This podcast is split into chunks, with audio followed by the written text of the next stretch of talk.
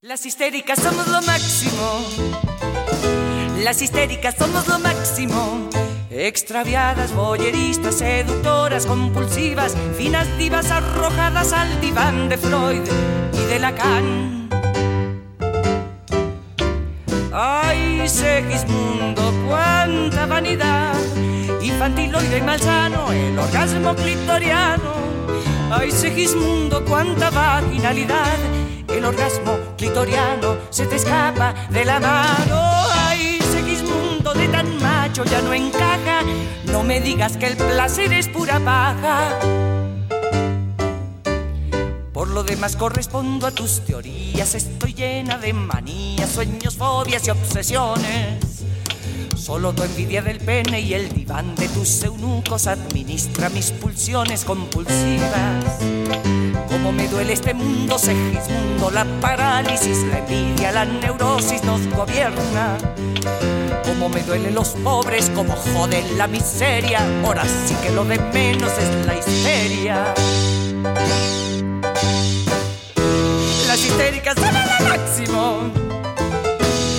Las histéricas somos lo máximo. Solidarias, fabulosas, planetarias, amorosas, superegos moderados, unilingüos para todas a placer. Ay, Segismundo, cuánta vanidad, infantiloide y malsano, el orgasmo clitoriano. Ay, Segismundo, cuánta vaginalidad, el orgasmo clitoriano se te escapa de la mano. Ay, Segismundo de tan macho, ya no sé si poner punto final o ponerle el punto G.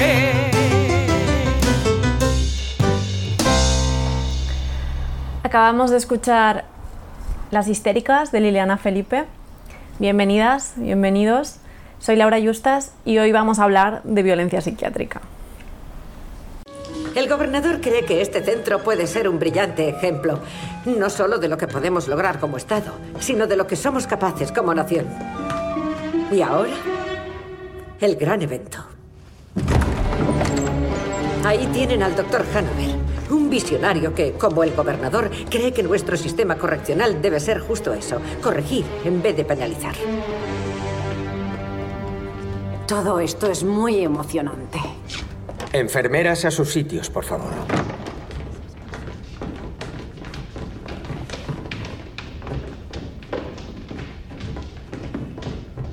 Damas y caballeros, están a punto de presenciar algo histórico. Les presento la lobotomía. En 1935, el neurólogo portugués Antonio Egas Moniz intentó una intervención que ahora yo deseo convertir en algo habitual. Se trata de una intervención tan simple que puede realizarse a los cuatro pacientes en un cuarto de hora. El lóbulo frontal del cerebro es la fuente de sus neurosis, distracción juvenil, manía, pérdida de memoria, lesbianismo. Todos estos males pueden atenuarse, si no revertirse, interrumpiendo quirúrgicamente una serie de conexiones neurológicas en la materia blanca. Como verán, los pacientes han recibido tan solo una ligera sedación. Y se despertarán, si bien levemente groguis, como nuevas personas libres de la enfermedad mental que los ha traído hasta este hospital. Y ahora les animo a ponerse cómodos, relajarse y observar cómo toco la mente. Primero, la incisión.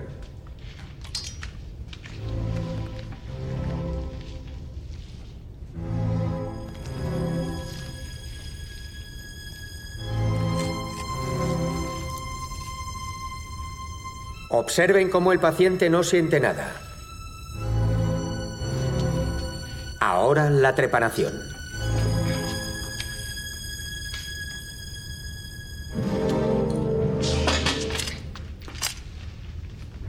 Oh, madre. Madre.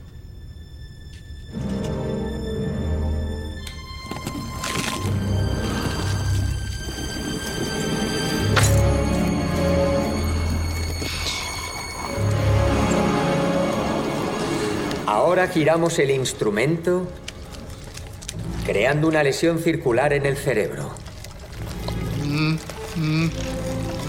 Como verán, el paciente sigue totalmente insensible.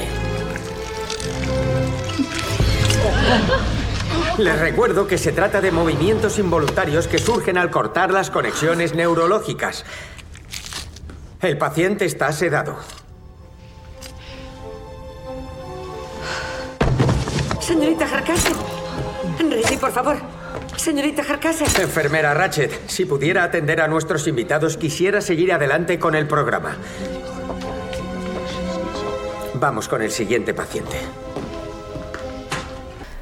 Acabamos de escuchar un fragmento del segundo capítulo de la primera temporada de Ratchet, una serie basada en el personaje Mildred Ratchet, que es una de las enfermeras de Alguien voló sobre el nido del cuco. En esta colaboración voy a hablar muy poco, porque hay mucha gente que tiene cosas muy interesantes que contar. He centrado mm, esas personas a las que vamos a escuchar, sobre todo en psiquiatras, no porque me parezca que su testimonio es más interesante que el de las, las expertas en primera persona, que de hecho, de hecho no creo que lo sea, sino porque parece que necesitamos que sean los propios médicos los que nos digan que efectivamente están ejerciendo violencia para poder creérnosla. Entonces dedicaré un pequeño espacio a expertos en primera persona, recomiendo mucho seguir al orgullo loco de, la de tu ciudad, de la ciudad en la que estés, y creo que es súper importante su testimonio, pero en este caso voy a, voy a poner unas voces de psiquiatras, a ver si así nos damos cuenta las personas que no han vivido o que no conocen tan cer- cercanamente esta realidad, a ver si nos damos cuenta de que es algo a lo que nos tenemos que unir, la lucha antipsiquiátrica. He obtenido estos cadáveres en la morgue de Oakland. Tras observar la reacción de nuestros invitados de ayer, he comprendido que trepanar el cráneo perforando el hueso esfenoides con un taladro de mano tal vez sea un poco crudo para ser aceptado por el público general. He recordado las observaciones del psiquiatra italiano Amaro Fiamberto. Se quejaba de que la lobotomía prefrontal requiere taladrar el cráneo en su punto de mayor espesor para acceder al lóbulo frontal, mientras que su blanda parte inferior es más fácil de acceder por la zona más fina del cráneo, la cavidad ocular. Ay, no. Les presento la lobotomía transorbital. Como si estuviera diseñada para consuelo de observadores remilgados, la intervención se beneficia de lo cotidiano de su instrumento. Una simple herramienta que ahora casi todo el mundo ya tiene en su hogar. Un picahielos. Dios. Para, por favor.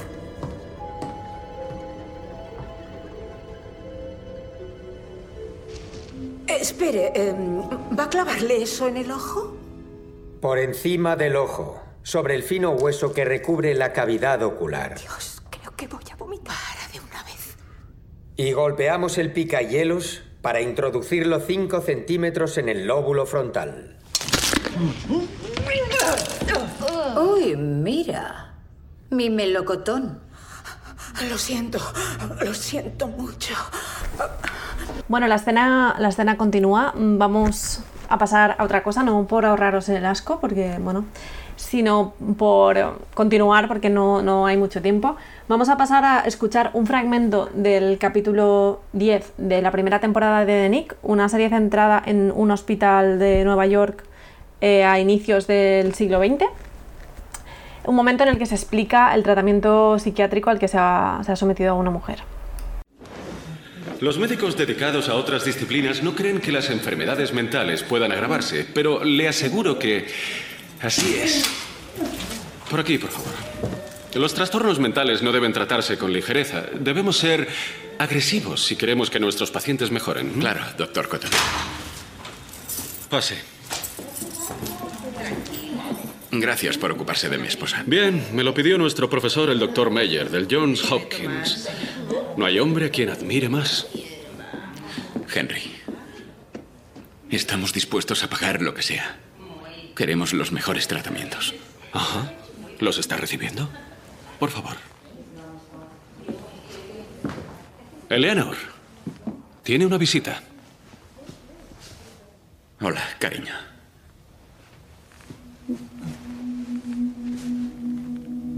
Eleanor.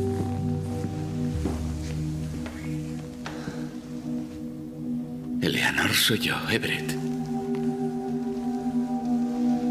¡Everett! ¿Qué demonios? ¿Qué demonios ha pasado? Todo, todo forma parte del tratamiento. Le hemos extraído los dientes. ¿Por qué? Según mis investigaciones, todos los desórdenes mentales provienen de infecciones que contaminan el cerebro. Los dientes y las encías son refugio de bacterias y sepsis. Para curar al paciente debemos eliminar todos los focos de infección. Los dientes es una mujer preciosa. Que se ha vuelto loca.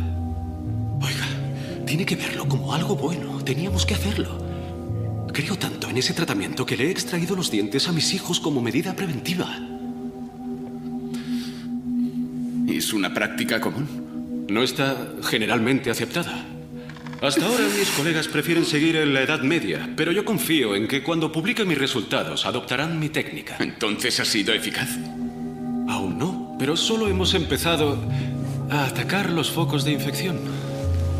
Creo que también tendré que extirparle las amígdalas y las vegetaciones, y si con eso no mejora, le seguirá el colon.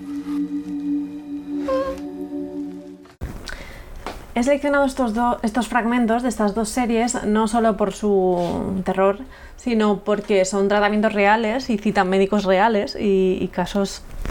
Eh, es un caso ficcionado, pero son, son cosas que se realizaban realmente a pacientes. Ahora vamos a pasar a escuchar un fragmento de la conferencia de Fernando Colina, psiquiatra, en la sesión número 3 del curso En tu interior de nociones comunes que podéis buscar en YouTube o en la web de Traficantes de Sueños. Eh, yo vengo de los manicomios, vengo de la transformación de la asistencia psiquiátrica, vengo de la reforma psiquiátrica. Yo acabé en el año 70 y entré en el. conocí el antiguo, antiguo manicomio ah, de Valladolid y luego el nuevo manicomio de Valladolid, que ya fue del que llegué y fui director durante 20 años hasta su cierre. Es decir, que en mi currículum realmente lo mejor que puedo presentar de mí mismo es que soy el último director de un hospital psiquiátrico eh, cerrado. No es que le cerrara yo, sino que le cerramos bastantes compañeros y todos los equipos que vi allí. ¿no? Pero sí que se mostró un poco la inutilidad de aquello. Seguimos con un fragmento de la sesión, creo que número 4, de la segunda parte de este curso en tu interior de nociones comunes. En este caso, Laura Martín, también psiquiatra, y la verdad es que para mí la experiencia en Trieste fue algo mm, un poco como que te cambia la, la visión ¿no? de la salud mental. Sobre todo porque te das cuenta de que hay muchas cosas que se podían haber hecho y no se hicieron. Y la orientación de Trieste que estaba encaminada hacia lo social con todos sus pormenores. Yo no quiero, no creo que exista un modelo infalible, no creo que exista un modelo sin aristas, porque, y es de lo que intento hablar hoy aquí, eh, cualquier modelo desde lo teórico, cualquier modelo basado en la práctica, es decir, cualquier modelo asistencial, en última instancia siempre va a ser violento y en última instancia siempre va a ser coercitivo. Es decir, la práctica que vengo a representar hoy aquí, eh, porque soy psiquiatra, es una práctica que no se puede escapar de la violencia. No, es imposible. Es una contradicción continua y es una contradicción que la gente que nos dedicamos a esto, o la gente, si hay gente en formación que he oído por ahí que alguien ha cogido plaza hace poco, en psiquiatría, pues en Alcalá, que oigo todo. ¿eh? Pues la gente que se quiere dedicar a esto, pues tiene que saber que no se va a poder salir de esa contradicción. Es decir, que por muy bien que intentes hacer las cosas, siempre lo haces partiendo de un mal muy, muy mal. Entonces, como mucho puedes intentar equilibrarlas, pero no, no te puedes salir de ahí. Voy a hacer ahora un pequeño giro hacia Valencia, que es la ciudad en la que vivo. Eh, Valencia tiene la, el mérito, no sé si positivo o negativo, de haber albergado el primer psiquiátrico del mundo. El psiquiátrico, bueno, el Hospital de los Inocentes es un hospital psiquiátrico fundado por el parejo Frey en, en 1410 y aunque normalmente se habla de que el, el, psiquiátrico de Belén de Londres es anterior, porque es del siglo XIII, de hecho no empezó a utilizarse exclusivamente como psiquiátrico hasta finales del siglo XV, así que Valencia tiene este extraño mérito. El Parejo Frey lo fundó en principio para sacar a la gente de la calle, para sacar de la calle a una diversidad de gente que era desde gente pobre a gente con diversidad intelectual, a gente con problemas psiquiátricos y bueno, un poco una mezcla de, gente que él consideraba desvalida y que consideraba que se la estaba violentando en la calle. Lo que queda del hospital psiquiátrico es actualmente la Biblioteca Central de Valencia, en la calle Hospital. Y bueno, los pacientes que quedaban en el siglo XIX, cuando se cerró el, Hospital de los Inocentes, pasaron al manicomio de Jesús, al manicomio mm, Santa María de Jesús, comúnmente conocido en Valencia como el manicomio de Jesús. Este manicomio en teoría era provisional y tenía que haber sido sustituido por el manicomio modelo, que no acabó nunca de, de salir adelante el proyecto. Y bueno, mm, funcionó de manera provisional en unas condiciones terribles en un antiguo monasterio durante unos 100 años. Por fin se cerró definitivamente en el gesto simbólico de cerrar la, llave eh, por parte de la Generalitat en el año 1989, pero en los años 70 ya los pacientes que quedaban en Jesús habían sido trasladados al manicomio de Vétera.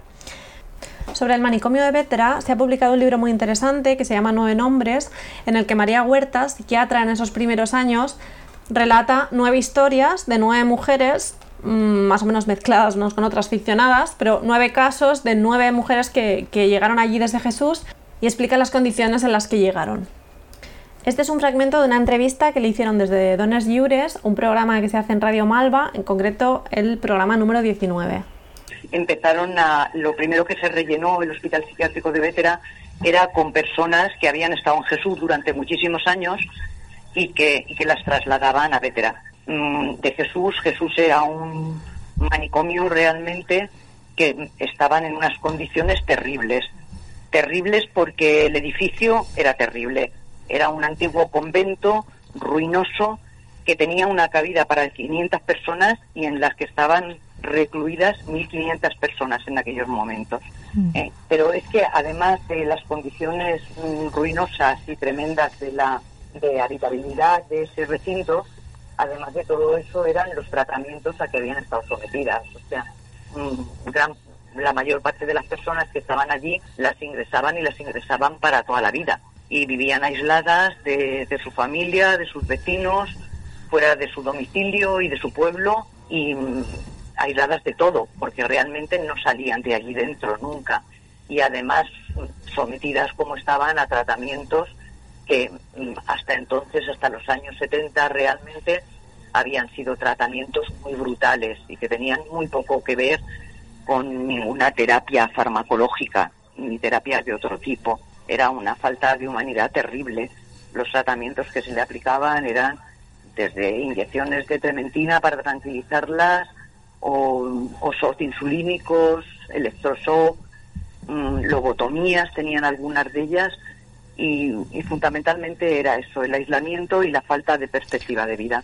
En, el año 74 trasladaron de Vétera a Jesús casi mil personas y concretamente en los pabellones que, estábamos nosotras, que, eran, que era un servicio de mujeres, eran tres pabellones de un servicio de mujeres, nos llegaron, mm, cuando yo, cuando yo empecé a, a, trabajar, llegaron 200 mujeres. Llegaron trasladadas en autobuses, naturalmente sin, sin estar informadas de nada, ni de, ni de dónde iban, ni por qué, ni, ni de nada. Realmente también su, su, situación vital mm, tampoco les permitía enterarse de muchas de las cosas que estaban sucediendo.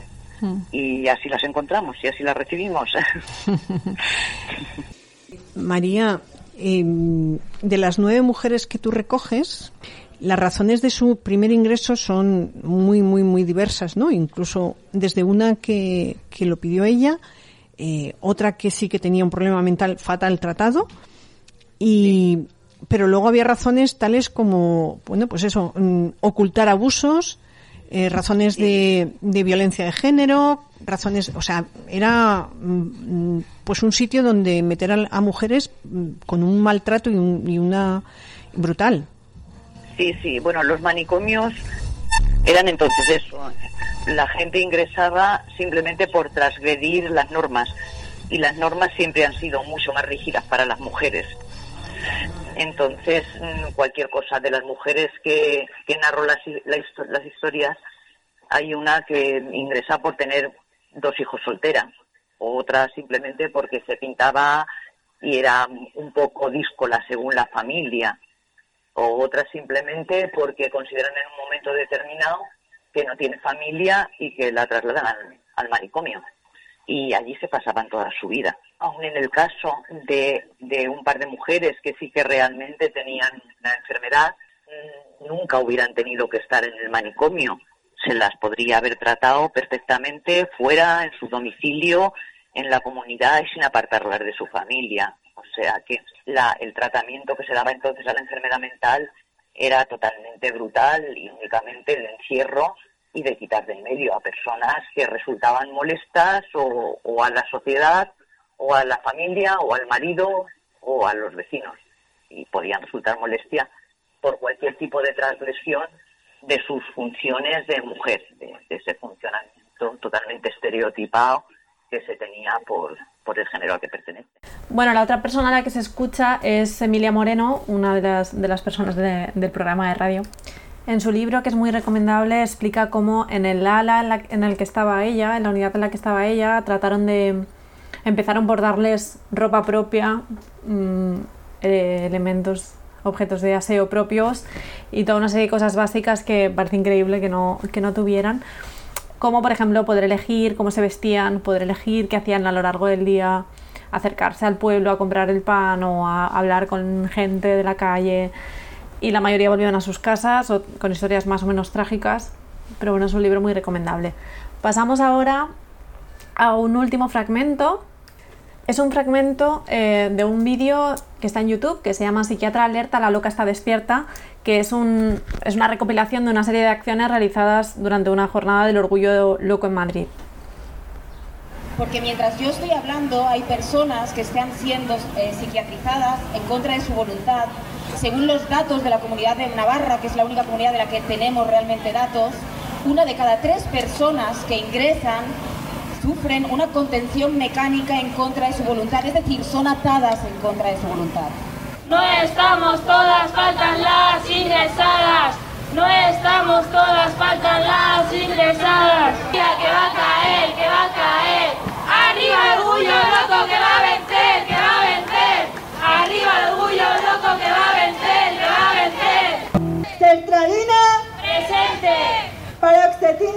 Presente. Olanzapina. Presente. La locura no se cura con tortura. La locura no se cura con tortura. La locura no se cura con tortura. Sabemos muy bien que la locura no es un problema individual. Nuestras existencias desafían a diario el régimen binario de género, mismo binarismo que se usa desde el sistema de salud para entender todo lo que no es neurotípico. Desde Acción Transcombativa nos posicionamos en contra del binomio enfermedad-salud, que individualiza una cuestión que lejos de ser individual, tiene una directa relación con el sistema capitalista. Operados o no, libre disposición de las hormonas, trucados o sin trucar, frente a la cisnorma. Porque si respondemos ante su transfobia, estamos loques. Y si estamos loques, somos trans por ello como si estar loque en esta sociedad no fuese una respuesta normal y algo de lo que enorgullecerse. Porque yo estoy loca y mi furor es el contagio en el que otros hallan el antídoto a la apatía. Con mi delirio hechizo el aire y ninguna pastilla podrá amordazar el pecado con el que voy escribiendo al margen de lo institucional. Porque hay algo que no nos podéis robar. Soy la música que excita la sangre, el brillo de realidad, la fracción de presente. Soy la cuerda que da cuerda al mundo. Soy la locura. Sin mí el amor no sería, sin mí el arte no sería, sin mí el mundo no sería. Soy la locura. Esquizofrénico, demente, bipolar afectivo, nombres que nos encarcelan, etiquetas normopáticas como camisas de fuerza que nos reducen a un uniforme, el de la normalidad.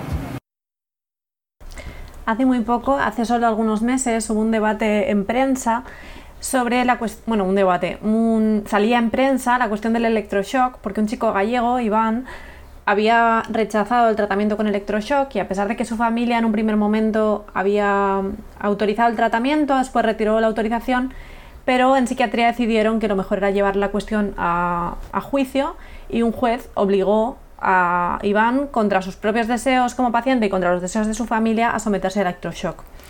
Lo interesante y terrible de este debate es que, em, como ocurre en otras especialidades como como ginecología o como pediatría por otros motivos, psiquiatría es, destaca por ser una especialidad en la que te pueden obligar a, someterte a tratamiento, igual que obligaron a, esta otra mujer en, en Asturias a parir en un hospital y bueno, por suerte ha llevado el caso a la OMS a ver qué le dicen. Son unas especialidades en las que te pueden obligar a someterte al tratamiento, algo que no pasaría en oncología, por ejemplo, nadie iría a tu casa a obligarte a someterte a, a un tratamiento contra el cáncer, pero en cambio en salud mental parece que sí tiene sentido. Esto ocurrió hace muy poco y bueno, destaca que el debate en prensa no era tanto los derechos del paciente, el derecho del paciente a decidir sobre su propio tratamiento y el derecho de la familia a hacerlo también, pero bueno, es un tema secundario, eh, sino eh, si el electroshock, que es increíble que aún se siga aplicando, eso no es efectivo. ¿no? la gente se, alegraba mucho, la comunidad científica, la comunidad psiquiátrica, de que el electroshock efectivamente ha demostrado ser muy, muy, muy eficaz porque esta persona ya está, ya está en su casa. El debate nunca debería ser si el tratamiento funciona o no funciona, sino si se está tratando al paciente en condiciones y creo que la historia de la psiquiatría nos ha demostrado ya suficientemente que es el momento de empezar a escuchar a los pacientes de psiquiatría. En este punto estamos, nos queda mucho por recorrer, mucho por hacer y bueno, nada, ánimo en la continuación de la, de la lucha antipsiquiátrica y recordemos eso, que el electroshock aún existe, aunque lo llamen TEC, aunque sea terapia electroconvulsiva, la violencia contra, contra los pacientes, las pacientes psiquiátricas, continúa en su ingreso, en su diagnóstico y por supuesto en las condiciones químicas y mecánicas que se continúan aplicando.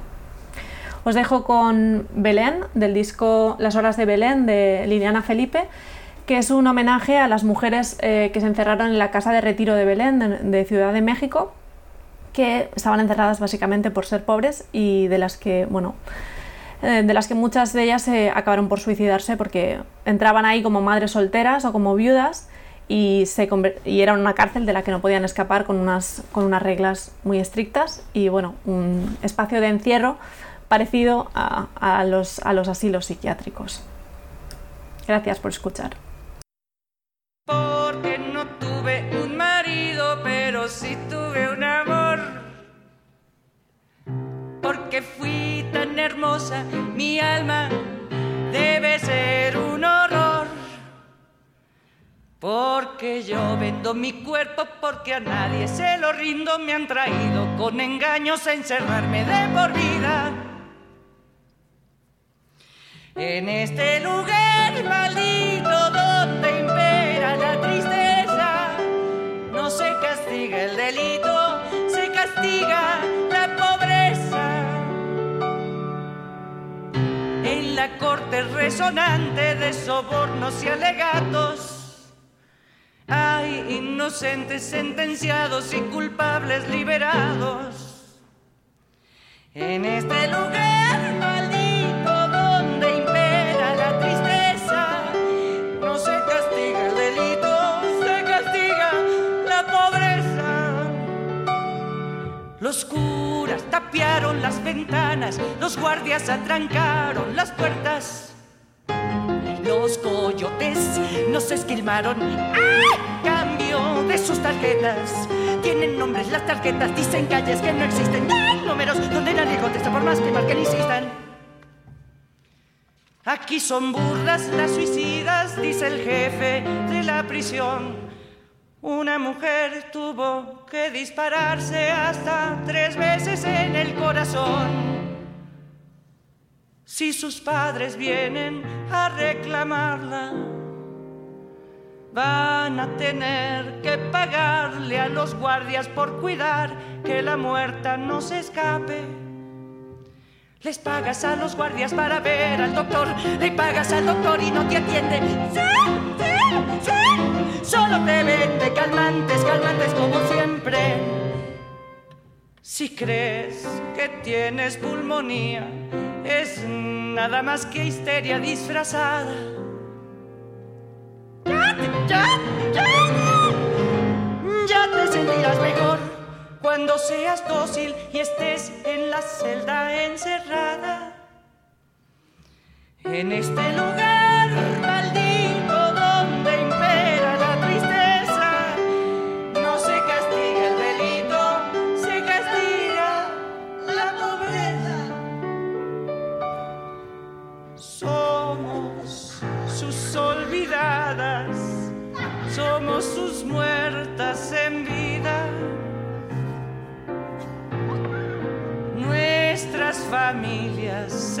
voltean, nuestros maridos ya nos olvidan. En este lugar maldito donde impera la tristeza, no se castiga el delito, se castiga la pobreza. Por ser nosotras mujeres, más culpables hemos de ser. Mataremos cuando nos peguen, robaremos para comer nos vendemos para alimentar a nuestros hijos. Los matamos antes